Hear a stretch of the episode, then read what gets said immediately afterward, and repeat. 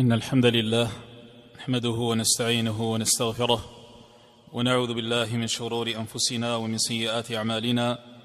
من يهده الله فلا مضل له ومن يضلل فلا هادي له. وأشهد أن لا إله إلا الله وحده لا شريك له. وأشهد أن محمدا عبده ورسوله. يا أيها الذين آمنوا اتقوا الله حق تقاته ولا تموتن إلا وأنتم مسلمون. يا أيها الناس اتقوا ربكم الذي خلقكم من نفس واحدة وخلق منها زوجها وبث منهما رجالا كثيرا ونساء واتقوا الله الذي تساءلون به والأرحام. إن الله كان عليكم رقيبا. يا أيها الذين آمنوا اتقوا الله وقولوا قولا سديدا. يصلح لكم أعمالكم ويغفر لكم ذنوبكم. ومن يطع الله ورسوله فقد فاز فوزا عظيما. أما بعد فإن أصدق الحديث كتاب الله. وأحسن الهدي هدي محمد صلى الله عليه وسلم وشر الأمور محدثاتها وكل محدثة بدعة وكل بدعة ضلالة وكل ضلالة في النار. هذا الدرس الثاني في شرح كتاب الصيام من كتاب الكافي في فقه أهل المدينة للحافظ ابن عبد البر رحمه الله تبارك وتعالى. وكنا قد توقفنا عند قوله رحمه الله ومن أسلم أو بلغ أو ثاب إليه عقله في بعض رمضان صام ما بقي منه دون ما مضى فإن كان ذلك في بعض النهار لم يقض ذلك اليوم إلا في الاختيار. ذكر رحمه الله هنا مسألة من أسلم أو بلغ أو ثاب إليه عقله يعني رجع إليه عقله أفاق من الجنون. في نهار رمضان. وهذا تتعلق به مسائل. وسأخذها واحدة واحدة بالنسبة للذي أسلم اولا ثم الذي بلغ ثم الذي رجع إليه عقله. لكنهم يشتركون جميعا في في مسائل. هي التي أجاب أو ذكر هنا ابن عبد البر رحمه الله. المسألة الأولى هل يصوم ما بقي من رمضان؟ مثلا أسلم في منتصف رمضان. هل يصوم ما بقي من رمضان؟ هذه مسألة.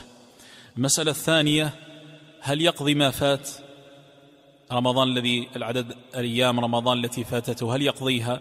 قبل أن يسلم وقبل أن يبلغ وقبل أن يفيق من جنونه هل يقضيها أم لا يقضيها؟ وبالنسبة لليوم الذي أسلم فيه وبلغ فيه ورجع إليه عقله فيه هل يمسك بقية اليوم أم لا يمسك بقية اليوم؟ مثلا أسلم عند العصر. نقول له تمسك بقية اليوم أم لا؟ وهكذا بالنسبة للبالغ لمن بلغ ورجع إليه عقله. والمسألة الرابعة اليوم الذي أمسك فيه هل يقضيه أم لا يقضيه؟ هل يقضي ذلك اليوم أم لا يقضيه؟ هذه مسائل. بالنسبة لمن أسلم أسلم في بعض رمضان كما قلت لو مثلا أسلم كافر في منتصف رمضان في اليوم الخامس عشر من رمضان مثلا في النصف في في منتصفه. هذا يصوم ما بقي من الشهر. النصف الثاني يصومه الذي بقي لأنه الآن أسلم وصار مكلفا وصار مسلما والبالغ والمجنون كذلك صار مكلفا كما سيأتي لكن الآن نتكلم عن من أسلم. هذا الذي أسلم فإن الواجب عليه أن يصوم الأيام الآتية الأيام الآتية وهذا بالإجماع كما نقله الشوكاني رحمه الله فقال وجوب الصيام على من أسلم في رمضان ولا أعلم فيه خلافا. قال ولا أعلم فيه خلافا. طيب هذا الذي أسلم هل يقضي ما فات؟ قال ثمة في رمضان هذا الذي أسلمت فيه. أربعة عشر يوما قبلك قبل أن تسلم هل يقضيها أم لا يقضيها؟ ماذا قال ابن عبد البر هنا؟ قال صام ما بقي دون ما مضى. صام ما بقي من رمضان دون ما مضى أي لا يلزمه أن يقضي الأيام التي فاتت. لا يلزمه هذا الذي أسلم في في في رمضان لا يلزمه أن يقضي الأيام التي فاتت وهذا باتفاق المذاهب الأربع وهو قول الإمام مالك كما نقله عنه ابن المنذر رحمه الله تبارك وتعالى. هذا ليجري أن الكافر الكافر كما مر معنا في الدرس الماضي قلنا بأنه يشترط الإسلام شرط الوجوب وجوب الصيام الإسلام. والكافر حتى ولو صام فإنه لا يقبل منه حتى ولو صام فإنه لا يقبل منه. فنفس الأمر هنا يقال هذا الذي أسلم الأيام التي مضت في حال كفره فإنه في تلك الحال لم يكن أهلا لوجوب الصيام فلا يجب عليه إذن أن يقضيها لا يجب عليه أن يقضيها. بل هو معفو عنه والله عز وجل يهدم ما كان قبل إسلامه بإسلامه. كما قال الله عز وجل قل للذين كفروا إن ينتهوا يغفر لهم ما قد سلف. والمسألة الثالثة هل يجب عليه أن يمسك يومه؟ هل يجب عليه أن يمسك في هذا اليوم الذي أسلم فيه؟ طبعا هو الآن أسلم قلنا في في النهار في نهار رمضان معناها أنه بعد الفجر. في أي وقت كان؟ سواء أسلم صباحا أسلم عند الظهر أسلم عند العصر أسلم بنصف ساعة قبل غروب الشمس. هو الآن أسلم في نهار رمضان. والسؤال الذي يطرح هل يلزمه أن يمسك بقية ذلك اليوم؟ الجواب نعم. يجب عليه أن يمسك لأنه الآن صار أهلا للوجوب لوجوب الصيام صار مسلما. فهو مخاطب بالنصوص التي تأمر بالصيام كقول الله عز وجل فمن شهد منكم الشهر فليصم. هذا الآن شهد الشهر وقد تحققت فيه شروط الوجوب فيجب عليه أن يمسك بقية ذلك اليوم. ومما استدل به من قال بأنه يجب عليه أن يمسك بقية ذلك اليوم حديث سلمة بن الأكوع أن النبي صلى الله عليه وسلم أمر رجلا من أسلم أن أذن في الناس أن من كان أكل فليصم بقية يومه ومن لم يكن أكل فليصم فإن اليوم يوم عاشوراء كما في حديث أبي داود. والشاهد فيه أن النبي صلى الله عليه وسلم أمرهم أن يمسكوا من كان أكل يمسك. نفس الشيء الآن. هذا كافر أسلم. هذا كافر أسلم الآن. فإنه يمسك بقية اليوم كما أمر النبي صلى الله عليه وسلم حين نادى مناديه ومؤذنه في الناس يوم عاشوراء أن من أكل فليتم صومه فليصم ومن أصبح صائما فليتم صومه. وهذا مذهب الحنابلة والحنفية وقول للشافعية وهو أيضا مذهب المالكية في الظاهر يعني هذا ظاهر مذهب المالكية وإلا المالكية عندهم خلاف يسير في المسألة. ولهذا يقول أبو الوليد الباجي رحمه الله ومن قال من أصحابنا بخطاب الكفار وهو مقتضى قول مالك وأكثر أصحابه أوجب عليه الإمساك وعلى هذا فيكون ظاهر المذهب وجوب الإمساك. وعلى هذا يكون ظاهر المذهب وجوب الإمساك يعني يجب عليه أن يمسك بقية اليوم. من أسلم في نهار رمضان يجب عليه أن يمسك بقية اليوم. بقية المسألة الرابعة. الآن هو لم يصم يوما كاملا. الذي أسلم عند العصر. نقول له تمسك من العصر للمغرب طيب هذا اليوم هل يقضيه أم لا يقضي هذا اليوم؟ هذا اليوم الذي عليه يقضيه أم لا يقضيه؟ ابن عبد البر رحمه الله قال فإن كان ذلك في بعض النهار لم يقض ذلك. قال فإن كان ذلك في بعض النهار لم يقض ذلك. أي أنه لا يقضي ذلك اليوم. ليس عليه قضاء ذلك اليوم. لأنه صام هذا اليوم على وفق ما هو على وفق ما هو مأمور به. فحين أسلم قلنا صرت الآن أهلا للوجوب. فيجب عليك أن تمسك فأمسك هذا الواجب عليه وليس له أن يقضي. واستدلوا بحديث سلمة بن الأكوع السابق لأن الرسول صلى الله عليه وسلم لما أذن مؤذنه أن من أكل فليصم ومن كان صائما فليتم صومه لم يأمرهم بعد ذلك بالقضاء لم يقل الذي أصبح مفطرا يمسك ثم يقضي فلم يأمرهم بالقضاء صلى الله عليه وسلم. فلأجل ذلك من أسلم في نهار رمضان نقول يجب عليك أن تمسك وليس عليك أن تقضي. يقول ابن حزم رحمه الله وأما من رأى القضاء في ذلك اليوم على من أسلم فقول لا دليل على صحته. يعني من قال عليه أن يقضي ذلك اليوم يقول ابن حزم فهو قول لا دليل على صحته. وقول ابن عبد البر رحمه الله إلا في الاختيار. ومعنى قوله إلا في الاختيار يعني إلا إذا اختار أن يقضي. إلا إذا اختار أن يقضي أن يقضي ذلك اليوم. وتعبير المالكية هو الاستحباب. يستحبون أن يقضي ذلك اليوم. هذا عندهم في المذهب. المالكية عندهم يستحب له أن يقضي ذلك اليوم. هذا اليوم الذي أسلم فيه وأمسك بقية اليوم فيه يقولون يستحب لك أن تقضي ذلك اليوم من غير إيجاب. ثم ننتقل إلى من بلغ لأنه قال ومن أسلم أو بلغ. نفس المسائل. من بلغ أثناء رمضان فإنه يصوم ما بقي. يصوم ما بقي.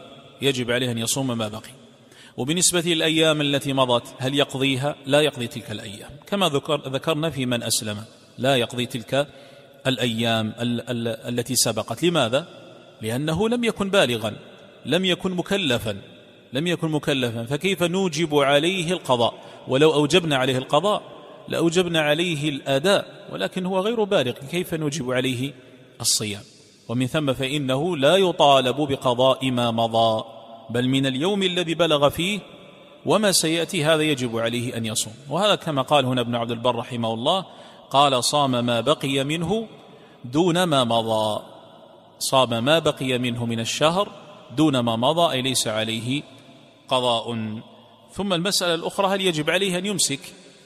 يمسك بقية اليوم؟ نعم يمسك بقية اليوم كما قلنا في الكافر إذا أسلم.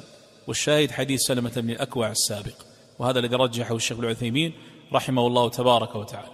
وأيضا ما يتعلق بالقضاء هل يقضي ذلك اليوم؟ الصحيح أنه ليس عليه قضاء ليس عليه قضاء ذلك اليوم إلا في الاختيار كما قال ابن عبد البر كما يقول المالكية يستحب ذلك. لماذا؟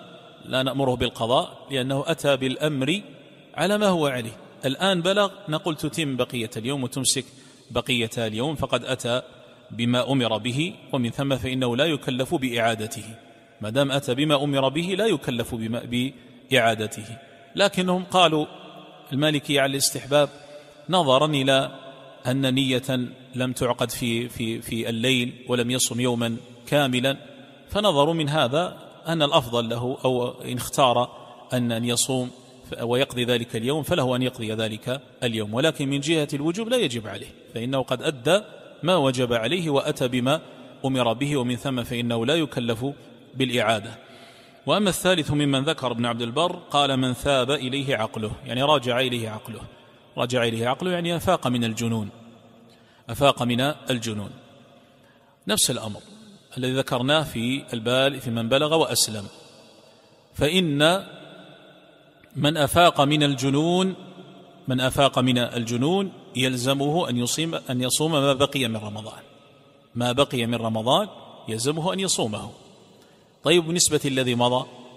الذي مضى الأيام التي مضت. بل ورمضانات التي مضت وهو مجنون. هل يصوم هل يقضيها أم لا يقضيها؟ مر معنا في الدرس السابق خلاف المالكية في المسألة بثلاثة أقوال. القول الأول بأنهم يقولون أن المجنون يقضي مطلقا ما مضى من رمضان. يقضي مطلقا وهذا قول ابن القاسم وذكره ونسبه إلى مالك في المدونة. والقول الثاني قول عبد الملك بن حبيب في التفريق بين من مضى عليه سنوات يسيرة كخمس سنوات وبين من مضى عليه أكثر من ذلك عشرة أو خمس عشرة سنة. فمن مضت عليه خمس سنوات هذا قال يقضي وإذا كانت أكثر لا يقضي. والمذهب الثالث هو تفريقهم بين من بلغ مجنونا أو بلغ صحيحا ثم جن قالوا من بلغ مجنونا لا عليه ومن بلغ صحيحا ثم جن هذا عليه القضاء. هذه ملخص ملخص ما ذكره المالكية في المسألة. وابن عبد البر رحمه الله كما قرأنا في الدرس الماضي رجح بأن المجنون إذا أفاق لا قضاء عليه بأن المجنون إذا أفاق لا قضاء عليه لأنه لم يكن مكلفا حال جنونه لم يكن مكلفا حال جنونه.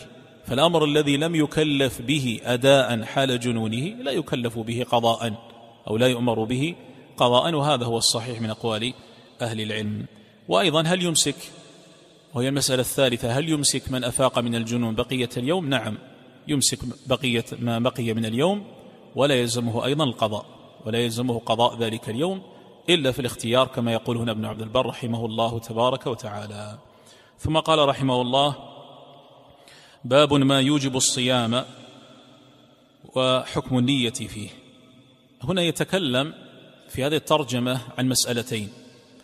المسألة الأولى ما يوجب الصيام يعني بما يثبت به الشهر الذي يصام فيه ويقصد بالصيام صيام رمضان. فقوله هنا باب ما يوجب الصيام هذا التكلم عن بما يثب عن, عن الشيء الذي يثبت به وجوب الصيام أي يثبت به الشهر الذي يجب صيامه. والثانية قال وحكم النية فيه حكم النية في هذا الصيام الواجب. وسيأتي تفصيل هذه الترجمة في المسائل التي يذكرها.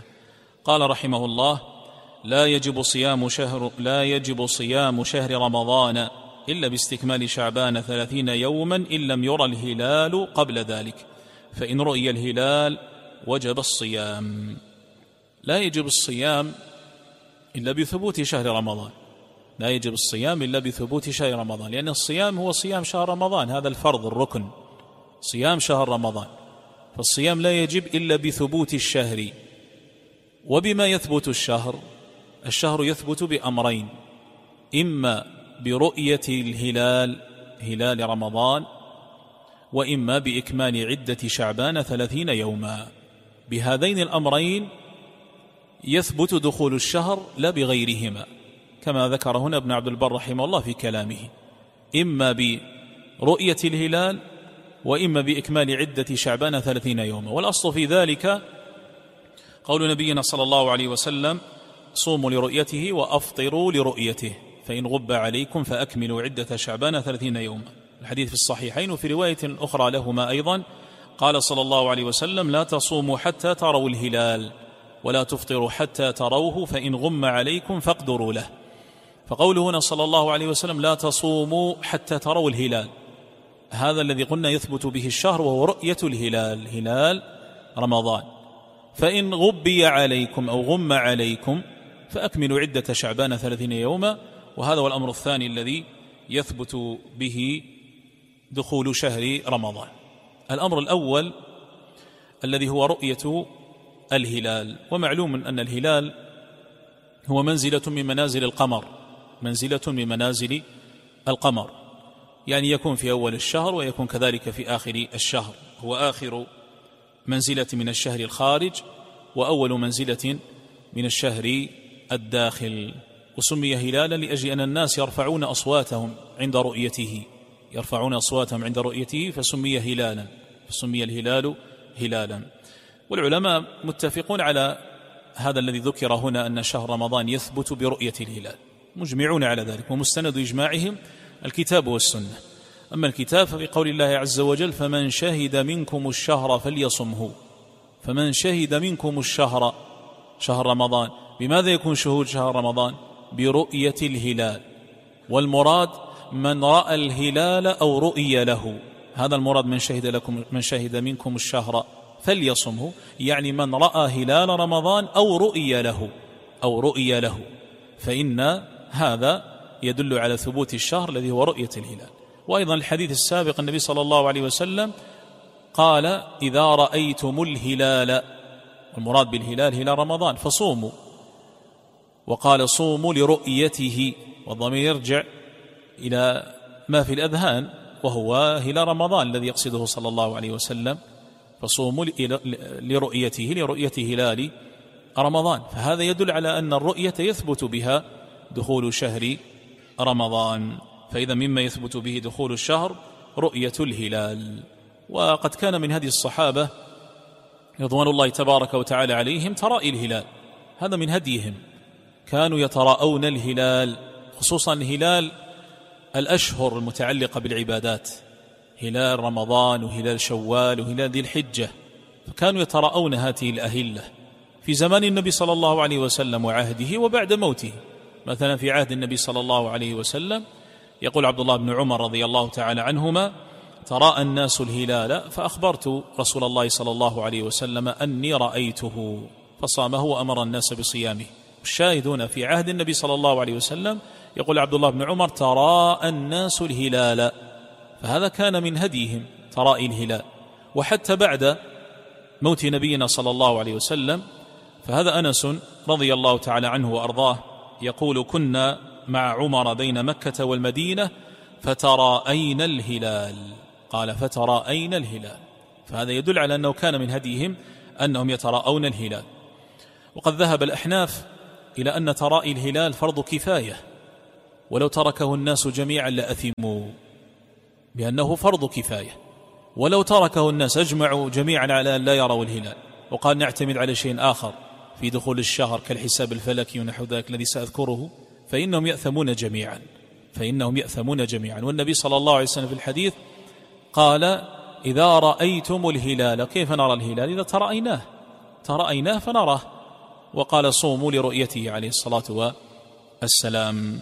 يقول وابن الوليد الباجي في المنتقى شرح الموطأ عند قوله صلى الله عليه وسلم لا تصوموا حتى تروا الهلال قال التنبيه على تراء الهلال بتسع وعشرين شعبان وتسع وعشرين رمضان. تام في قوله هذا الحديث ماذا فيه؟ قال فيه التنبيه على تراء الهلال فإن هذا من الهدي الذي ينبغي أن يحرص عليه الناس وهو تراء هذه الأهلة. هلال شعبان أي أقول هلال رمضان وهلال شوال وهلال ذي الحجة أن هذه يتعلق بها عبادات وأيضا يتراءى الناس بقية الأهلة. الأهلة في كل شهر بداية شهر يتراءى الناس الهلال فيرون هل يكون هذا الشهر 29 أو يكون 30 بعدم رؤية الهلال. وكما تعلمون الشهر يكون 29 ويكون 30 وتسعا وعشرين شهر كامل وليس ناقصا. كما يعتقد بعض الناس. بعض الناس يظن الناس لو صاموا مثلا 29 يوما يقول لكن يوما من رمضان. هذا غلط. أن 29 يوما هذا كامل و30 يوما أيضا كامل. والشهر لا يزيد على الثلاثين ولا ينقص عن تسع وعشرين. لو وقع خطأ في الرؤية وصام الناس ثمانية وعشرين يوما في اليوم التاسع والعشرين ظنوا أن هذا آخر يوم من رمضان الذي يترأون فيه الهلال فجاء من قال لهم إننا, إننا رأينا هلال شوال أخطأوا مثلا. عليهم قضاء يوم. لماذا؟ لأن الشهر لا يكون ثمانية عشر يوما يكون تسعة وعشرين يوما. هذا أقل ما يكون. ولا يكون أكثر من ثلاثين يوما. لو مثلا وقع خطأ في ترائي الهلال فصام الناس واحدا وثلاثين يوما. يعني صاموا ظنوا بأنهم الثلاثين فجاء من أخبرهم بأن الهلال قد رؤي قبل اليوم الذي صاموه. يعني هذا اليوم بالنسبة لهم هو واحد وثلاثون يوما فإنهم يفطرون. لأن الشهر لا يكون أكثر من واحد وثلاثين يوما فيكون تسعا وعشرين أو يكون ثلاثين. وهو كامل هذا كامل وهذا كامل. ولذلك النبي صلى الله عليه وسلم قال شهر عيد لا ينقصان شهر عيد لا ينقصان رمضان وذي الحجة. ذي الحجة ظاهر بأنه شهر عيد. ورمضان ليس شهر العيد شوال هو شهر العيد. لكن لما كان قريبا منه كان قريبا منه أخذ حكمه فسماه النبي صلى الله عليه وسلم شهر عيد. فرمضان شهر كامل تسعا وعشرين أو ثلاثين. والنبي صلى الله عليه وسلم قال الشهر هكذا هكذا هكذا. مرة بسط جميع الأصابع ومرة قبض صلى الله عليه وسلم إصبعا أي تسعا وعشرين يوما. وهو شهر كامل. فقوله صلى الله عليه وسلم شهر عيد لا ينقصان بمعنى كاملان. وقيل إنهما كاملان في الأجر. كاملان في الأجر حتى ولو نقص يوم عن الثلاثين فهو كامل في في الأجر. ولهذا يقول ابن حجر رحمه الله فهذا يدل على أن الثواب والأجر لا يكون مع المشقة مطلقا فيكمل الله الثواب بدون بدون مشقة تفضلا منه. يعني ليس المراد بحصول تمام العدد ثلاثين تسعة وعشرين يوما وتأخذ أجر صيام الشهر كاملا أجر صيام الشهر كاملا. ومر معنا في الدرس الماضي بأن النبي صلى الله عليه وسلم صام تسع رمضانات. أكثر رمضانات التي صامها النبي صلى الله عليه وسلم صام منها تسعا وعشرين يوما عليه الصلاة والسلام. كما قال عبد الله بن مسعود لما صمنا مع النبي صلى الله عليه وسلم تسعا وعشرين أكثر مما صمنا معه ثلاثين. لما صمنا مع رسول الله صلى الله عليه وسلم تسعا وعشرين يعني من الرمضانات التي صامها عليه الصلاة والسلام قال أكثر مما صمنا معه ثلاثين. فإذا الشاهد يا إخوان مما يثبت به دخول الشهر الأمر الأول هو رؤية الهلال. وأما الأمر الثاني فهو إكمال عدة شعبان ثلاثين يوما. إكمال عدة شعبان ثلاثين يوما. لقول النبي صلى الله عليه وسلم فإن غم عليكم فأكملوا عدة شعبان ثلاثين يوما. أو فإن غبي عليكم فأكملوا عدة شعبان ثلاثين يوما. إذا لم نرى الهلال. وطبعا هذا يأخذ صورا. إذا رأينا الهلال إذا رأينا الهلال فإن الواجب هو الصيام وهذا بالاتفاق والإجماع لا يختلف العلماء في ذلك. طبعا لما نقول إذا رأينا الهلال إما أن الإنسان رآه أو رؤي له رآه أو رؤي له. وهذه مسألة سنتحدث عنها وأتكلم عنها لما نصل إلى مسألة من يرى الهلال وحده ونحو ذلك. هذه الحالة الأولى. الحالة الثانية إذا لم يرى الهلال ترى الناس الهلال فلم يروا الهلال. هذا له حالتان.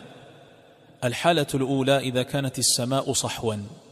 السماء صحوا. لا يوجد غيب ولا يوجد غبار ولا يوجد قتر ولا يوجد مانع يمنع من الرؤية. كانت السماء صحوا. فتراءى الناس الهلال فلم يروا الهلال. فهنا يجب إكمال عدة شعبان ثلاثين يوما باتفاق أهل العلم. لا يختلف العلماء في ذلك. والحالة الثانية إذا لم يرى الناس الهلال وكان ثمة غيم أو قتر أو غبار يمنع من الرؤية فما الواجب؟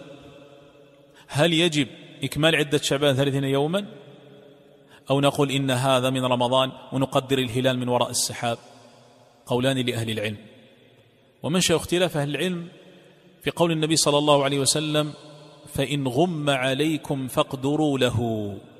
قال صلى الله عليه وسلم فإن غم عليكم يعني الهلال حال بينكم وبين رؤيته حائل من غيم أو من قتر أو غبار ونحو ذلك فلم تروا الهلال.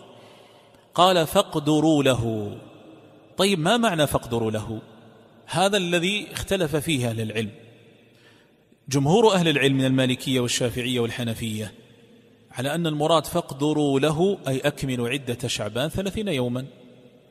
بدليل الروايات التي دلت على ذلك صراحة في قوله صلى الله عليه وسلم فإن, غم فإن غبي عليكم فأكملوا عدة شعبان ثلاثين يوما. فمعنى اقدروا له يعني تمام العدد ثلاثين تمام العدد ثلاثين. وفي رواية أخرى قال فعدوا ثلاثين فعدوا ثلاثين. بينما الحنابلة قالوا المراد بفاقدروا له أي قدروا الهلال من وراء السحاب. يعني ضيقوا عدة شعبان وقدروا الهلال من وراء السحاب فتكون هذه أول ليلة من رمضان. ومما استدلوا به لفهمهم هذا أن راوي الحديث عبد الله بن عمر رضي الله تعالى عنهما قالوا كان إذا حال دون منظره سحاب أو قتر أصبح صائما. قالوا هذا راوي الحديث. وكان إذا تراءى الناس الهلال وحال بين رؤيتهم سحاب وغيم ونحو ذلك قالوا أصبح أي عبد الله بن عمر صائما. فقالوا إذا معنى فاقدروا الحديث فاقدروا له تضييق تضييق عدة شعبان وتقدير الهلال من وراء السحاب بأن هذه الليلة هي ليلة من ليالي رمضان. ولكن الصحيح هو مذهب جماهير أهل العلم. لماذا؟ لأن النبي صلى الله عليه وسلم في الحديث الأخرى بين معنى فاقدروا له. أكملوا عدة فأكملوا عدة شعبان ثلاثين يوما. فعدوا ثلاثين. فعدوا ثلاثين. أما عبد الله بن عمر فكان يصنع هذا يمكن أن نقول كان يفعله على سبيل الاحتياط. كان يفعله على سبيل الاحتياط. وإن كان حتى هذه المسألة ويبقى فيها نظر لأنها متعلقة بالصيام اليوم الذي يشك فيه. وعبد الله بن عمر قد خلف في هذا الذي كان يصنعه. خالفه عبد الله بن عباس. فقد كان عبد الله بن عباس رضي الله تعالى عنهما يقول عجبت لمن يتقدم الشهر وقد قال رسول الله صلى الله عليه وسلم إذا رأيتم الهلال فصوموا وإذا رأيتموه فأفطروا فإن غم عليكم فأكملوا العدة ثلاثين. هذا قول ابن عباس. ويتعجب ممن يصوم ذاك الصيام الذي يصومه عبد الله بن عمر. كان يصبح صائما إذا حال بينهم وبين رؤية الهلال حائل من غيم ونحوه فقال عجبت لمن يتقدم الشهر. وقد قال رسول الله صلى الله عليه وسلم إذا رأيتم الهلال فصوموا وإذا رأيتموه فأفطروا فإن غم عليكم فأكملوا العدة ثلاثين. فإذا هذا هدي النبي صلى الله عليه وسلم. وأوضح منه ما كانت تقوله عائشة رضي الله تعالى عنها عن نبينا صلى الله عليه وسلم. كانت تقول كان النبي صلى الله عليه وسلم يتحفظ من شعبان ما لا يتحفظ من غيره ثم يصوم لرؤية رمضان فإن غم عليه عد ثلاثين ثم صام. عد ثلاثين ثم صام. رواه أبو داود. هذا هدي النبي صلى الله عليه وسلم وهذا فعله.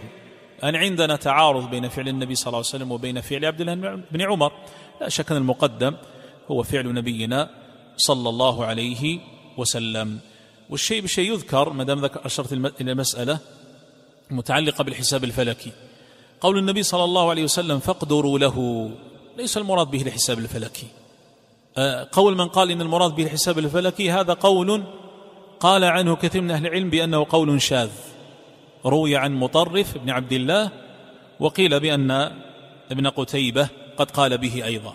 وفي هذا يقول ابن عبد البر رحمه الله في كتابه التمحيد في كتابه التمهيد قال لا يصح عن مطرف ما نسب إليه أنه يرى بالحساب الفلكي ويحمل معنى فاقدروا عليه على ذلك قال لا يصح عن مطرف قال وأما, وأما عن ابن قتيبة فهو مما لا يعرج عليه في مثل هذا لا يعرج عليه في مثل هذا وأبو عبد الله القرطبي رحمه الله صاحب التفسير يقول وهذا لا نعلم أحدا قال به يقصد الأخذ بالحساب وتقدير المنازل قال وهذا لا نعلم أحدا قال به إلا بعض أصحاب الشافعي أنه يعتبر في ذلك بقول المنجمين والإجماع حجة عليهم. قال والإجماع حجة عليهم كأنه يرى بأن إجماع أهل العلم على عدم الأخذ بالحساب الفلكي على عدم الأخذ بالحساب الفلكي. لأن النبي صلى الله عليه وسلم يا إخوة في الحديث يقول إذا رأيتم الهلال ويقول صوموا لرؤيته صلى الله عليه وسلم. يعني أن قوله صلى الله عليه وسلم صوم لرؤيته. فيه أن الأمر منوط بماذا؟ الأمر منوط بالرؤية وليس منوطا بالحساب. الأمر منوط بالرؤية وليس منوطا بالحساب. لأنه قال صوموا لرؤيته. قال إذا رأيتم إذا رأيتم الهلال. ثم أمر آخر الوحي أعظم من الحساب. وفي زمن الوحي لم يأتي الوحي لنبينا صلى الله عليه وسلم أن هذه الليلة هي أول ليلة رمضان. لم يأتي الوحي أن هذه الليلة هي أول ليلة رمضان فيكتفي النبي صلى الله عليه وسلم بذلك نعم عن رؤية الهلال وتراء الناس له. ومع ذلك بقي الأمر على الرؤية في حتى في زمنه في زمن نزول الوحي. والرسول صلى الله عليه وسلم كان يرى يتراءى الناس الهلال ويخبرونه برؤيته كما في حديث عبد الله بن عمر تراءى الناس الهلال فأخبرته أني فأخبرته أني رأيته فصام وأمر بصيامه صلى الله عليه وسلم. ولذلك لا يقال بالحساب وإنما نقول الأمر منوط بالرؤية. لقوله صلى الله عليه وسلم صوموا لرؤيته. هذا الذي تعبدنا الله عز وجل به. الله عز وجل لم يتعبدنا بالحساب وإنما تعبدنا بالرؤية سبحانه وتعالى. واصلا هذه هذا الحساب من من يفقهه ومن يعرفه؟ كيف عبادة عامة لجميع المسلمين كلهم مأمورون بالصيام؟ ثم نقول إن الشهر الذي تصومونه لا يثبت يثبت بالحساب. من الذي يعرف الحساب؟ لا يعرفه إلا قلة يعدون على الأصابع في الأمة وفي في الناس وفي مصر من الأمصار. فكيف يكون الأمر هذا المتعلق بعبادة للجميع؟ يختص برؤي يختص بالعلم به طائفة من الناس فقط دون الجميع. بينما الرؤية الناس جميعا يرون. من أعطاه الله جل وعلا بصرا وهم أغلب الناس فإنهم يرون الهلال. ولذلك النبي صلى الله عليه وسلم قال نحن أمة أمية. أمة أمية. لا نحسب وقال الشهر هكذا هكذا بيده صلى الله عليه وسلم. قال نحن أمة أمية لا نحسب ولا نكتب. الشهر هكذا هكذا هكذا ثلاثين. وفي المرة الثانية قبض إصبعا أي تسعا وعشرين. سهل. ترى الهلال إذا لم تره أكمل عدة شعبان ثلاثين يوما. ثم قال ابن عبد البر رحمه الله ولا يقبل في رؤية الهلال في رمضان إلا من يقبل في هلال شوال.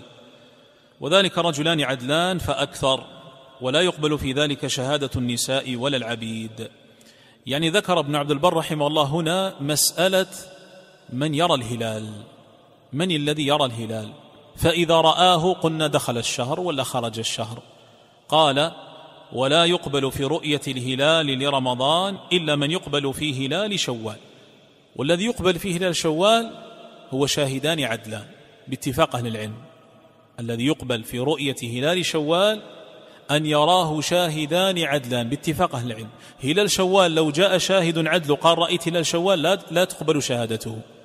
إلا إذا جاء آخر وشهد فلا بد من شهادة عدلين في رؤية هلال شوال. ابن عبد البر رحمه الله يقول ولا يقبل في رؤية هلال رمضان في رؤية الهلال رمضان إلا من يقبل في هلال شوال. إلا من يقبل في هلال شوال. لأن الذي يقبل في هلال شوال هو شهادة شاهدين. ولهذا يقول ابن عبد البر رحمه الله نفسه في كتابه التمهيد يقول أما الشهادة على رؤية الهلال فأجمع العلماء على أنه لا يقبل في شهادة شوال في الفطر إلا رجلان عدلان. أنه لا يقبل في شهادة شوال في الفطر يعني في رؤية هلال شوال قال إلا رجلان عدلان. وهنا قال أجمع العلماء. أجمع العلماء يعني ننقل هنا إجماع. إلا أن هذا الإجماع قد خولف. وقد أو إن صح أقول قد وجد من خالف في ذلك. لا أقول خولف الإجماع ولكن وجد من خالف ذلك. ابن حزم الشوكاني والصنعاني وروي أيضا عن أبي ثور. يرون بالاكتفاء بشاهد واحد في رؤية هلال شوال. لكن الذي عليه المذاهب الأربعة جميعا وأكثر أهل العلم حتى حكي إجماعا كما سمعتم في كلام ابن عبد البر رحمه الله أن الذي يثبت به خروج الخروج من رمضان أي الدخول في شهر شوال هو شهادة شاهدين شهادة شاهدين. والأصل في قول لذلك لقولهم قول النبي صلى الله عليه وسلم فإن شهد شاهدان فصوموا وأفطروا. الشاهد هنا فأفطروا. قال فإن شهد شاهدان فصوموا. هذه مسألة ستأتي الصيام. ولكن في الإفطار قال فأفطروا إذا شهد شاهدان أي إذا لم يشهد شاهدان فلا تفطروا. هذا معنى الحديث. فابن عبد البر رحمه الله ذكر بأنه لا بد من شاهدي عدل يشهدان على رؤية هلال رمضان. وهذا الذي يذهب إليه الإمام مالك رحمه الله. وهذا مذهب المالكية. يعني هنا عندنا مسألة يا إخوة. نذكر على على جهة التحقيق باختصار. هي مسألة من الذي يرى الهلال؟ من الذي يرى الهلال؟ عندنا إذا رأى الإنسان الهلال وحده إذا أو قبل ذلك أقول أنه لا يلزم أن يرى الناس جميعا الهلال. لا يلزم أن يرى الناس جميعا الهلال. وهذا باتفاق أهل العلم. لا يأتي أحد يقول الله جل وعلا قال فمن شهد منكم الشهر يعني رأى الهلال. والنبي صلى الله عليه وسلم يقول إذا رأيتم هلال. يقول لك يا أخي أنا لا أصوم لم أرى الهلال. هذا لا يقال لأن المراد من رأى الهلال أو رؤي له أو رؤي له ممن تقبل شهادته. فإن الواجب على الجميع أن يصوم الواجب على الجميع أن يصوم. رأى ابن عمر الهلال فأخبر النبي صلى الله عليه وسلم فأمر الناس أن يصوموا أمر الناس أن يصوموا. هذا الأمر الأول. والأمر الثاني أن أهل, أهل العلم اتفقوا على أنه إذا شهد شاهدان على رؤية هلال رمضان فإن هذا يثبت به دخول الشهر. هذا باتفاق أهل العلم. لكن ماذا إذا شهد شاهد واحد؟ لأن إحنا في كلام ابن عبد البر هنا وهو مذهب المالكية ذكر شاهدين.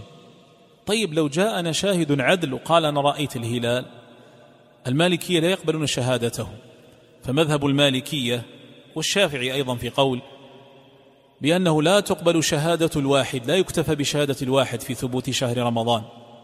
فلا بد من شاهدين. نحن نقول له ما دليلكم على أنه لا بد من شاهدين؟ من أدلتهم ما رواه النسائي عن زيد بن الخطاب عن أصحاب رسول الله صلى الله عليه وسلم أنه قال صوموا لرؤيته وأفطروا رؤيته وانسكوا لها فإن غم عليكم فأكملوا ثلاثين فإن شهد شاهدان فصوموا وأفطروا.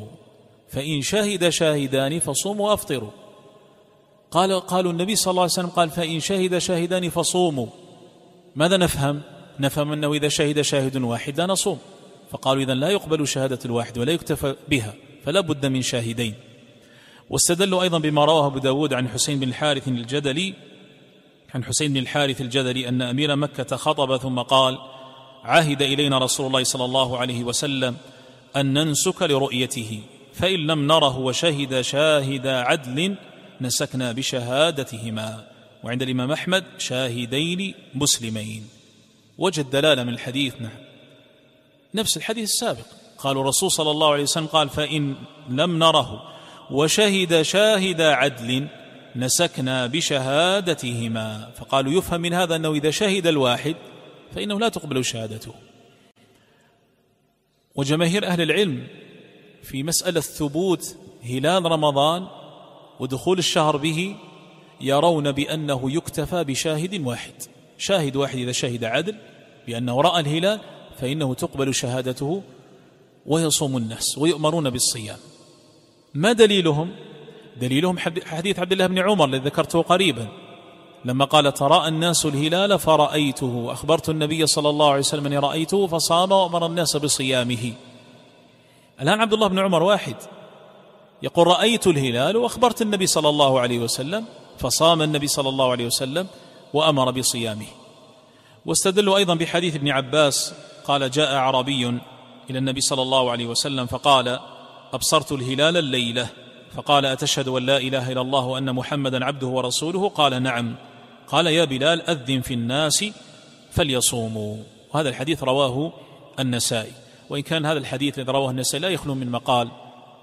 لعلة إرسال عكرمة لكن يشهد له حديث عبد الله بن عمر.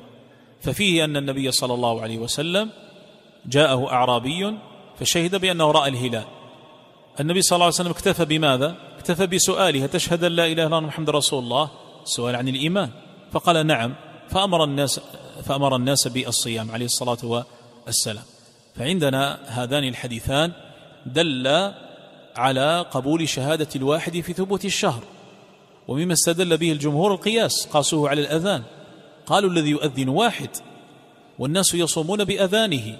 كما قال النبي صلى الله عليه وسلم عن أذان بلال قال كلوا واشربوا حتى يؤذن ابن أم مكتوم فإذا أذن أمسكوا.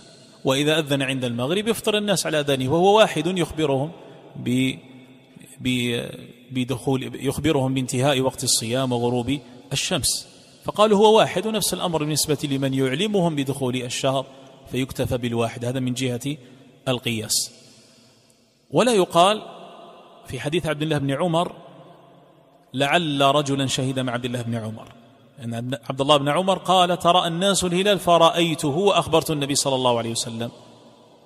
أين الاحتمال أن أن رجلا قد شهد مع عبد الله بن عمر؟ هذا لا يدل عليه دليل. وهذا احتمال بعيد. بل يقول الشوكاني رحمه الله في مثل هذا الاحتمال يقول عن هذا الاحتمال فتعسف وتجويز لو صح اعتبار مثله لكان مفضيا إلى طرح أكثر الشريعة. يعني ندخل لو قبلنا مثل هذا الاحتمال سيورد مثل هذا الاحتمال على كثير من النصوص. ومن ثم قال الشوكاني لكان مفضيا إلى طرح أكثر الشريعة. طيب لو جاءك إنسان وقال لك المالكي يستدل بأدلة نصت على شهادة الشاهدين. فعلى ماذا تحمل؟ هذا نوجهها بثلاثة توجيهات التوجيه الأول يحمل على شهر شوال. لماذا؟ لأن في النصين السابقين ذكر النسك. قال في حديث النسائي قال وانسكوا لها. في الحديث الثاني الذي رواه أبو داود قال عهد إلينا رسول الله صلى الله عليه وسلم أن ننسك. فقالوا هذا يدل على أن المراد هو هلال شوال. هذا احتمال. والاحتمال الثاني أن قولهم هذا يراد به كما قال النووي رحمه الله الاستحباب والاحتياط. محمول على الاستحباب والاحتياط كما قال النووي رحمه الله في المجموع. والتوجيه الثالث الظاهر والبين أنه لا منافاة بين حديث عبد الله بن عمر وهذه الاحاديث غاية ما في الأحاديث التي ذكرها المالكية.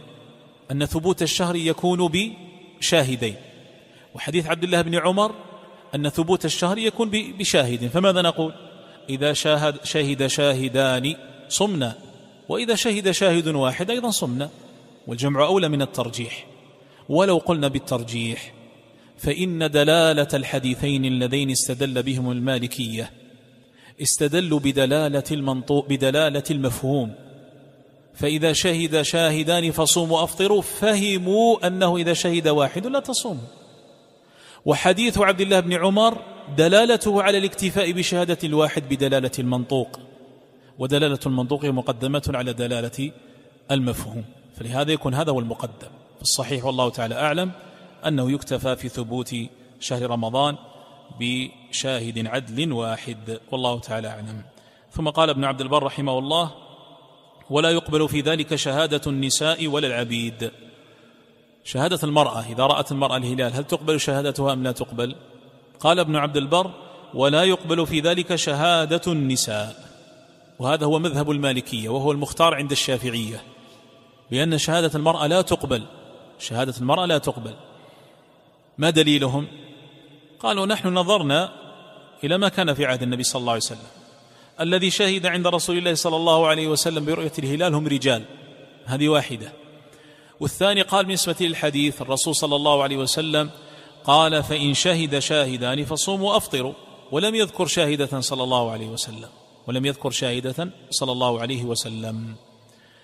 وقد رجح هذا الشيخ ابن باز رحمه الله فقال والأرجح عدم قبولها أي المرأة شهادة المرأة قال والأرجح عدم قبولها في هذا الباب لأن هذا المقام مقام الرجال ومما يختص ومما يختص بالرجال ويشاهده الرجال ولأنهم أعلم بهذا الأمر وأعرفوا به أي أن هذه هذا الأمر المتعلق برؤية الهلال هو للرجال وليس للنساء.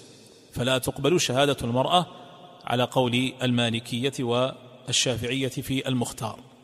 وإلا فإن الحنابلة والحنفية ووجه أيضا عند الشافعية يرون بأن خبر المرأة يقبل شهادة المرأة في رؤية الهلال تقبل. قالوا لأنها من باب الرواية والإخبار لأنها من باب الرواية والإخبار فهي تخبر أنها رأت الهلال فإن هذا يقبل منها فإن هذا يقبل منها. قال ابن قدامة رحمه الله فإن كان المخبر امرأة فقياس المذهب قبول قولها وهو قول أبي حنيفة وأحد الوجهين لأصحاب الشافعي لأنه خبر ديني فأشبه الرواية والخبر عن القبلة عن القبلة ودخول الصلاة. يعني هذا الذي بنوا عليه. قبول خبر المرأة وشهادتها إذا رأت الهلال. قال لأنه من باب الرواية والخبر والإخبار. من باب الرواية والإخبار. ومما استدل به بعض الحنابلة أو الحنفية أقول وهذا ذكره السرخسي في المبسوط استدلوا بحديث الأعرابي الذي شهد عند النبي صلى الله عليه وسلم أنه رأى الهلال. ماذا قال له النبي صلى الله عليه وسلم؟ قال تشهد أن لا إله إلا الله محمد رسول الله؟ قال نعم. قالوا فماذا سأله النبي صلى الله عليه وسلم؟ عن الإيمان. فقالوا كذلك إذا وجد في المرأة فإن شهادتها تقبل. فإن شهادتها تقبل. ونفس الأمر بالنسبة للعبد. إن ابن عبد البر يقول ولا يقبل في ذلك شهادة النساء ولا العبيد. يعني نفس الخلاف. المالكية وقول عند الشافعية بأنهم لا يقبلون شهادة العبد. لا بد من قبول شهادة الحر فقط. وأما الحنابلة والحنفية وقول عند الشافعية بأنهم يجيزون شهادته. وسبب اختلاف العلماء هو اختلافهم في الإخبار برؤية هلال رمضان. هل هو من باب الشهادة المطلقة أم هو من باب الإخبار والرواية؟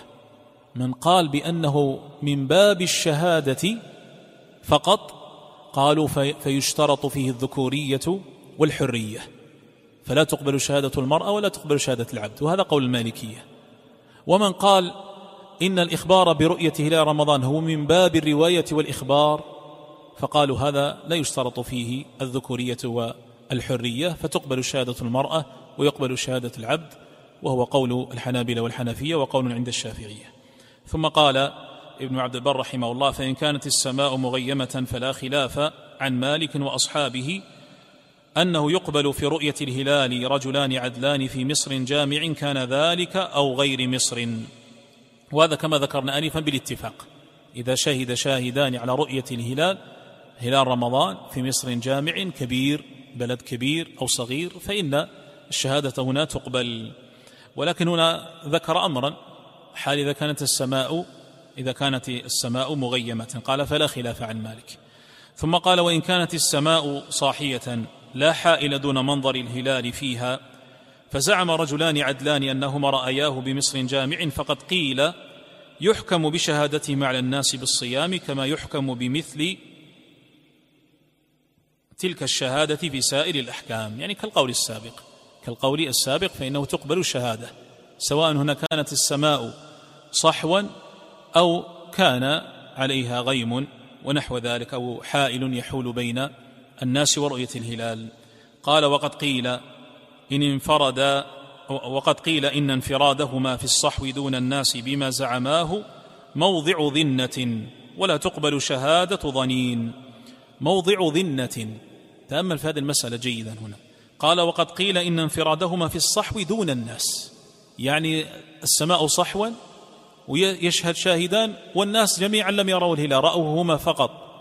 فقال دون الناس بما زعماه موضع ذنة يعني موضع تهمة موضع تهمة. قال ولا تقبل شهادة ظنين. شهادة ظنين يعني شهادة متهم. قد جاء في الحديث عند الإمام مالك رحمه الله في الموطأ في الموطأ. قال لا تقبل شهادة خصم ولا ظنين. ظنين يعني يعني متهم. وإن كان الحديث هذا في انقطاع عند الإمام مالك. أنا أردت الشاهد ولا ظنين المراد به المتهم المراد به المتهم. قال ومن قال هذا من أصحاب مالك وغيره يقول أنه لا يقبل في الصحو إلا الجم الغفير والعدد الكثير وإنما يقبل الرجلان في علة الغيم وشبهه. والأول تحصيل مذهب مالك وهو المشهور عنه وعليه العمل. هذا الكلام كله من ابن عبد البر رحمه الله يريد أن يذكر فيه اختلاف المالكية اختلاف المالكية. إحنا اتفقنا على أن المالكية عندهم لا بد من شهادة شاهدين عدلين لثبوت رؤية الهلال. لكن عندهم مسألة دقيقة متعلقة برؤية الهلال في حال الصحو وفي حال الغيم. طيب في حال الغيم إذا رآه شاهدان فهذا بالاتفاق عندهم لا يختلف المالكية في ذلك تقبل شهادتهما. لكن الإشكال إذا كانت السماء صحوا وفي مصر كبير والعدد كبير من الناس ولم يره إلا شاهدين. لم يره إلا شاهدين. من المالكية من قال بأن هذا لا يقبل. لا, لا تقبل شهادتهما. لماذا؟ لأنه محل تهمة. كيف الناس كلهم يتراءون الهلال ولا يراه إلا رجلان؟ لا يراه إلا رجلان. كيف هذا؟ قالوا هذا مظنة تهمة. كما قال سحنون الإمام سحنون من المالكية. سحنون أو سحنون بضم السين وفتحها كلاهما صحيح. وسحنون اسمه عبد السلام بن سعيد التنوخي هذا واسمه وإلا سحنون هذا لقب. وسحنون أصله طائر معروف قالوا معروف في بلاد المغرب يسمى سحنون أو سحنون. وهذا الطائر معروف بحدة بصره. فلقب سحنون عبد السلام بن سعيد التنوخي لقب بسحنون قالوا لحدته في المسائل. حدة المسائل فكانوا يلقبونه باسم هذا الطائر. الشاهد أن سحنون من المالكية قال بهذا القول قال بهذا القول خصوصا إذا صوب الناس أبصارهم مع الشاهدين إلى يتراءون الهلال. وهذه مسألة دقيقة. حتى بعض المالكية قال هي قول ثالث. يعني خمسين واحد خمسون واحدا كلهم ينظرون إلى جهة الهلال حيث يرى الهلال. والسماء صحوا. فلم يره إلا رجلان. قالوا هذا موضع تهمة. هذا عندهم. عند من يرى هذا من بعض المالكية. هذا موضع تهمة. فلا تقبل شهادتهما. لماذا لم يره الثالث ولم يره الرابع؟ والآن السماء صحوا ولا يوجد مانع يمنع من رؤية رؤية الهلال. وهذا عندهم إذا صوب في المصر الكبير. أما إذا كان في مصر صغير في بلد صغير وشهد شاهدان الملكية لا يختلفون في ذلك. هذا عرض لما ذكر ابن عبد البر وإلا قد ختم كلامه بأن المشهور عن الإمام مالك عدم التفرقة في ذلك. فإذا شهد شاهدان في مصر كبير أو صغير وكانت السماء مغيمة أو, أو, أو, أو صحوا فإنه تقبل شهادتهما في ثبوت الشهر. ثم قال وإذا رأى, وإذا رأى الهلال في مدينة أو بلد أو رؤي الهلال في مدينة أو بلد رؤية ظاهرة أو ثبتت رؤيته بشهادة قاطعة ثم نقل ذلك عنهم إلى غيرهم بشهادة شاهدين لزمهم الصوم ولم يجز لهم الفطر. وقال عبد الملك وقال عبد الملك مثل ذلك في الرؤية الظاهرة وقال في الشهادة لا يلزم ذلك إلا أهل البلد الذين ثبتت عندهم الشهادة بحكم حاكمهم بذلك عليهم. إلا أن تكون الشهادة ثبتت عند الإمام الأعظم فيلزم الناس كلهم فيلزم الناس كلهم الصيام. فهذا تحصيل المذهب عند المالكي عند المالكيين البغداديين وقد قيل لكل بلد رؤية أهله لا يكلفون غير ذلك. هذا الكلام من ابن عبد البر رحمه الله يريد به مسألة اختلاف المطالع. هل هي معتبرة أليست معتبرة؟ أو بصيغة أخرى إذا رأى أهل بلد الهلال فهل يلزم البلدان الآخرين أن يصوموا برؤيتهم أم لا؟ أو بعبارة أخرى إذا رؤي الهلال في بلد فهل يلزم المسلمين جميعا أن يصوموا أم لا؟ هذه مسألة من المسائل التي اختلف فيها أهل العلم. هنا يذكر ابن عبد البر رحمه الله ثلاثة أقوال. القول الأول إذا رؤي الهلال قال في مدينة أو بلد رؤية ظاهرة أو ثبتت رؤيته بشهادة قاطعة فإنه قال قال ثم نقل ذلك نقل ذلك عنهم إلى غيرهم بشهادة الشاهدين لزمهم الصوم ولم يجز لهم الفطر. يعني إذا ثبتت الرؤية هذه بالحالتين رؤية ظاهرة أو رؤية بشهادة قاطعة. وشهد شاهدا برؤية الهلال في هذا البلد فيعلم فتعلم بقية البلاد برؤية الهلال وقال يلزمهم الصوم يلزمهم الصوم. القول الثاني ذكره عن عبد الملك عبد الملك بن حبيب وأيضا ذهب إليه عبد الملك بن عبد العزيز المعروف بن الماجشون كما ذكر ذلك ابن أبي زيد في الزيادات والنوادر. قال مثل ذلك في الرؤية الظاهرة. المقصود بالرؤية الظاهرة يعني من غير طلب الشهادة. لا يأتي الحاكم ولا البلد يقولون من, من يشهد أنه رأى؟ بل جاء برؤية ظاهرة يعني رأى هذا رآه هذا رآه. هذه الرؤية الظاهرة. قال نعم إذا كان بالرؤية الظاهرة بالرؤية الظاهرة رؤية في هذا البلد يلزم بقية البلاد أن يصوموا. أما إذا كان برؤية شاهدين طلب الشهادة وإن كانت قاطعة قال فإن هذا يلزم أهل البلد فقط. أهل البلد فقط يصومون بشهادة الشاهدين ما دام الرؤية ليست قاطعة ليست ظاهرة نقول وهذا تفريق ابن حبيب من المالكية. والقول الثالث قال وقد قيل لكل بلد من رؤية أهله لا يكلفون غير ذلك. يعني كل أهل بلد ومصر ينظرون فيتراءون الهلال. البلد الذي رأى الهلال يصوم والذي لا يرى الهلال لا يصوم. والذي لم يرى الهلال لا تلزمه رؤية من رأى الهلال من البلدان الآخرين. وعلى العموم في في الجملة هذه المسألة قد اختلف فيها العلماء وفي الجملة اختلفوا فيها إلى قولين. القول الأول وهو قول جماهير أهل العلم من المالكية والحنبية والحنابلة والحنفية قالوا بأنه إذا رؤي الهلال في بلد فإنه يلزم على جميع المسلمين في باقي البلاد أن يصوموا برؤية أهل ذلك البلد الذي رؤي فيه الهلال أي أنهم لا يعتبرون اختلاف المطالع. ومما استدلوا به قول الله عز وجل فمن شهد منكم الشهر فليصم قالوا والخطاب في الآية لجميع الأمة فإذا ثبتت رؤية الهلال وجب على جميع المسلمين أن يصوموا وأيضا بالنسبة للحديث قول النبي صلى الله عليه وسلم صوم لرؤيته فقد علق ذلك على كافة المسلمين فإنه إذا رؤي الهلال وجب على جميع المسلمين أن يصوموا. فهذا استدلوا به عموم هذين النصين من الكتاب والسنة على أنه إذا رؤي الهلال في بلد فإنه يجب على جميع البلدان أن يصوموا برؤية ذلك البلد. خالف في ذلك الشافعية وقال به بعض المالكية وهو الذي رجعه, رجحه من المعاصرين العلامة ابن العثيمين رحمه الله تبارك وتعالى. القول بأنه بأن تلك الرؤية تلزم أهل البلد خاصة. إذا رؤي الهلال في بلد فإن تلك الرؤية تلزم أهل البلد خاصة. ولا يلزم غيره من البلدان أن يصوموا برؤيتهم.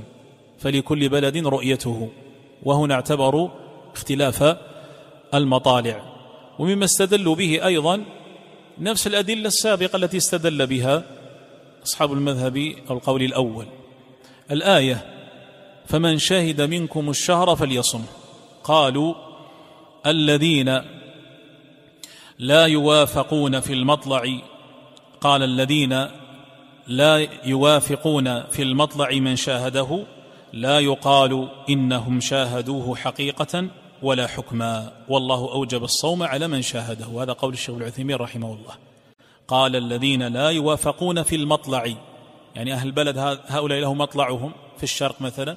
وبلد آخر إسلامي في الغرب. في في في الغرب. يختلفون في المطلع. هؤلاء الذين رأوا الهلال مثلا في في الشرق لهم مطلعهم. الآخرون لا يوافقونهم في ذلك المطلع. قال لا يقال إنهم شاهدوه حقيقة ولا حكما. يعني الذين في الغرب هل يقال إنهم شاهدوا الهلال حكما أو حقيقة؟ لا. ومن ثم قالوا لا لا تنطبق عليهم الآية فمن شهد منكم الشهر فليصم. ونفس الأمر بالنسبة للحديث صوموا لرؤيته. قال النبي صلى الله عليه وسلم صوموا لرؤيته. علل الأمر صلى الله عليه وسلم علل امرا بالصوم بالرؤية. وهؤلاء لم يروا الهلال لا حقيقة ولا حكما وإنما رؤي في بلد آخر يختلفون عنه في في المطلع كما قلت هؤلاء في المشرق وهؤلاء في في المغرب. ومن أقوى أدلتهم ما رواه الإمام مسلم أن الهلال رؤي في زمن معاوية بن أبي سفيان رضي الله تعالى عنه في الشام ليلة الجمعة فصام أهل الشام. وأما في المدينة صاموا يوم السبت ولم يروا الهلال ولم يروا الهلال. قال فبلغ ابن عباس أن أهل الشام رأوا الهلال ليلة القائل هو كريب راوي الحديث عن المنفضل قال فبلغ ابن عباس أن أهل الشام رأوا الهلال ليلة الجمعة وصاموا وهو كان في المدينة ابن عباس كان في المدينة. فقال لكن رأيناه ليلة السبت فلا نزال نصوم حتى نكمل ثلاثين أو نراه. فقيل له ألا تكتفي برؤية معاوية وصيامه؟ فقال لا هكذا أمرنا رسول الله صلى الله عليه وسلم. فهذا من أقوى أدلتهم. شهدوا فيه أن ابن عباس كان في المدينة وأهل المدينة لما تراءوا الهلال لم يروه فأتموا عدة شعبان ثلاثين يوما فصاموا يوم السبت. بينما أهل الشام رأوا الهلال يوم الجمع ليلة الجمعة فكان كانت الجمعة أول رمضان بالنسبة لهم. ابن عباس لو كان يرى الأخذ برؤية البلد الآخر كان قال نعم نكتفي برؤية معاوية ويجب علينا أن نقضي ذلك اليوم. لأنه لم يبلغنا فيه بأن الصوم كان ذلك اليوم لكنه لم يقل ذلك لم يقل ذلك. بل أقوى مما يدل على قوة هذا الأثر أنه لا يعلم مخالف لابن عباس في هذا الرأي. لا يعلم مخالف من الصحابة لابن عباس رضي الله تعالى عنه في هذا الرأي. فقالوا بناء على ذلك العبرة إنما هي برؤية أهل البلد وكل بلد له رؤيته. وطبعا الخلاف المسألة قوي جدا. وحتى على القول بعدم اختلاف المطالع الأمر الآن في زماننا مع اختلاف المسلمين تقطع بلدانهم لا يمكن أن يتحقق لا يمكن لا أقول لا يمكن يتحقق يعني من جهة الواقع الآن غير متحقق. ولعل في قابل الأيام أن يهدي الله جل وعلا المسلمين وحكامهم يجمع فيه المسلمين على أمر واحد يتعلق بعباداتهم كما يجتمعون في الحج ونحو ذلك. إلى أن يحدث هذا ثمة وصية للشيخ الألباني رحمه الله. في تمام المنة يقول وإلى أن تجتمع الدول الإسلامية على ذلك فإني أرى على شعب كل دولة أن يصوم مع دولته ولا ينقسم على نفسه فيصوم بعضهم معها وبعضهم مع غيرها تقدمت في صيامها أو تأخرت لما في ذلك من توسيع دائرة الخلاف في الشعب الواحد كما وقع في بعض الدول العربية منذ بضع سنين والله المستعان. يعني أن الشيخ يقول وهو يرجح عدم اختلاف المطالع وأنه إذا رؤي الهلال في بلد لزم المسلمين جميعا أن يصوموا. لكن من جهة تحقق هذا واجتماع دول الإسلام على ذلك اليوم هذا غير متحقق. فماذا يصنع الناس؟ كل واحد يصوم مع أهل بلدته. يعني مع هذا الخلاف ثمة اختلاف ويقول لك أنت على الأقل في بلدك لا توسع دائرة الخلاف. لا توسع دائرة الخلاف وتقول إني أصوم مع البلد الذي رأى الهلال. وأشار إن هذا قد وقع في بعض البلاد. بل أنا أذكر وأنا صغير في بلادنا وقع.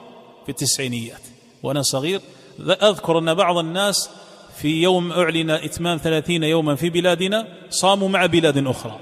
قال إنهم رأوا, رأوا الهلال. وهذا شك اختلاف الأمة. والنبي صلى الله عليه وسلم يقول الصوم يوم يصوم الناس والفطر يوم يفطر الناس الصوم يوم يصوم الناس فنصوم مع الناس ولا نخالف الناس. وستأتي من المسائل الدقيقة التي تبين لكم عظم هذا الأمر المتعلق باجتماع الناس على أمر على على أمر واحد. ستأتي معنا مسألة من رأى هلال شوال وحده هل يفطر أم لا, أم لا يفطر؟